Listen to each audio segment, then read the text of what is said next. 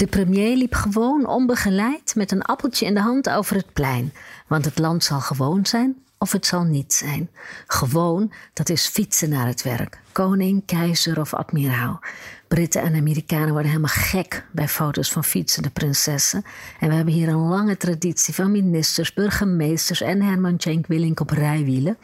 De foto van de premier die op zijn koga naar de koning reed om het ontslag van zijn regering aan te bieden, ging de hele wereld over. Waar elders gepantserde voertuigen en gewapende escortes een status- en machtssymbool zijn, kijk de staat een sterk zijn, gelden dat soort uitingen hier als een nederlaag. De open samenleving is sterker dan het kwaad. De T wist het maandagochtend als eerste te melden. Premier in vizier criminelen.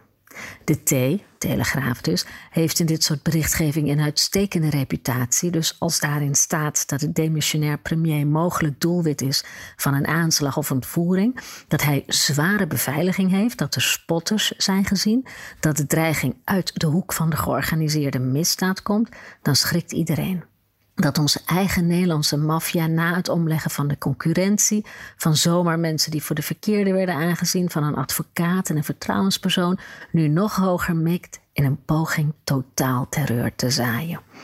In zo'n geval kan de rest van de pers niet anders dan aanmächtig achter het nieuws aanrennen. Daarbij werd kwistig gebruik gemaakt van het woord zou. Zou is het geitenpaadje dat het bevestigde feit verbindt met dingen die heel goed zouden kunnen, maar misschien ook niet.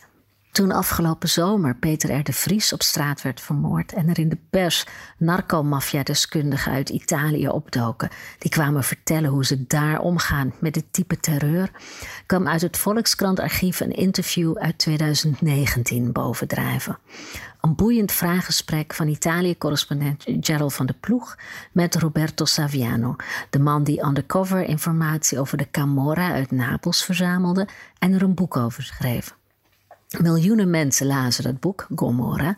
Nog meer keken naar de gelijknamige tv-serie. En Saviano wordt sindsdien op kosten van de Italiaanse staat beveiligd door twee geblindeerde auto's en zeven gewapende agenten. Dirk Wiersum was net dood, vermoord op straat. En Saviano liet een nietsontziende analyse los op de toestand in het land. Amsterdam is erger dan Napels, zei hij. Londen en Amsterdam zijn de meest corrupte plekken die ik in mijn leven ben tegengekomen, zei hij ook. Waarbij niet de gezagsdragers of agenten corrupt zijn, maar het systeem. Het witwassen is allemaal Nederlands. Nieuw was zijn analyse niet, wel deprimerend. Antillenroutes, belastingfaciliteiten, brievenbusfirma's, de schaal en efficiëntie van de Rotterdamse haven en dat allemaal in combinatie met de gedoogcultuur, waardoor kleine krabbelaars via de hash carrière konden maken, hebben Nederland getransformeerd tot drugsnelweg van Europa. Het deprimerende zit er maar in dat de analyse al jaren, zo niet decennia wordt gemaakt. Bescheiden veranderingen, afknijpen belastingroutes, wetgeving tegen brievenbusfirma's, boetes voor witwassers, zijn pas gekomen na jarenlang getouwtrek.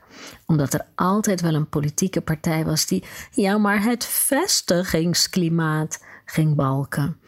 Er valt nog veel op te ruimen en te handhaven. Van de obsessie met het vestigingsklimaat zijn we nog steeds niet helemaal af. Het is een mooie opdracht voor een nieuw regeerakkoord.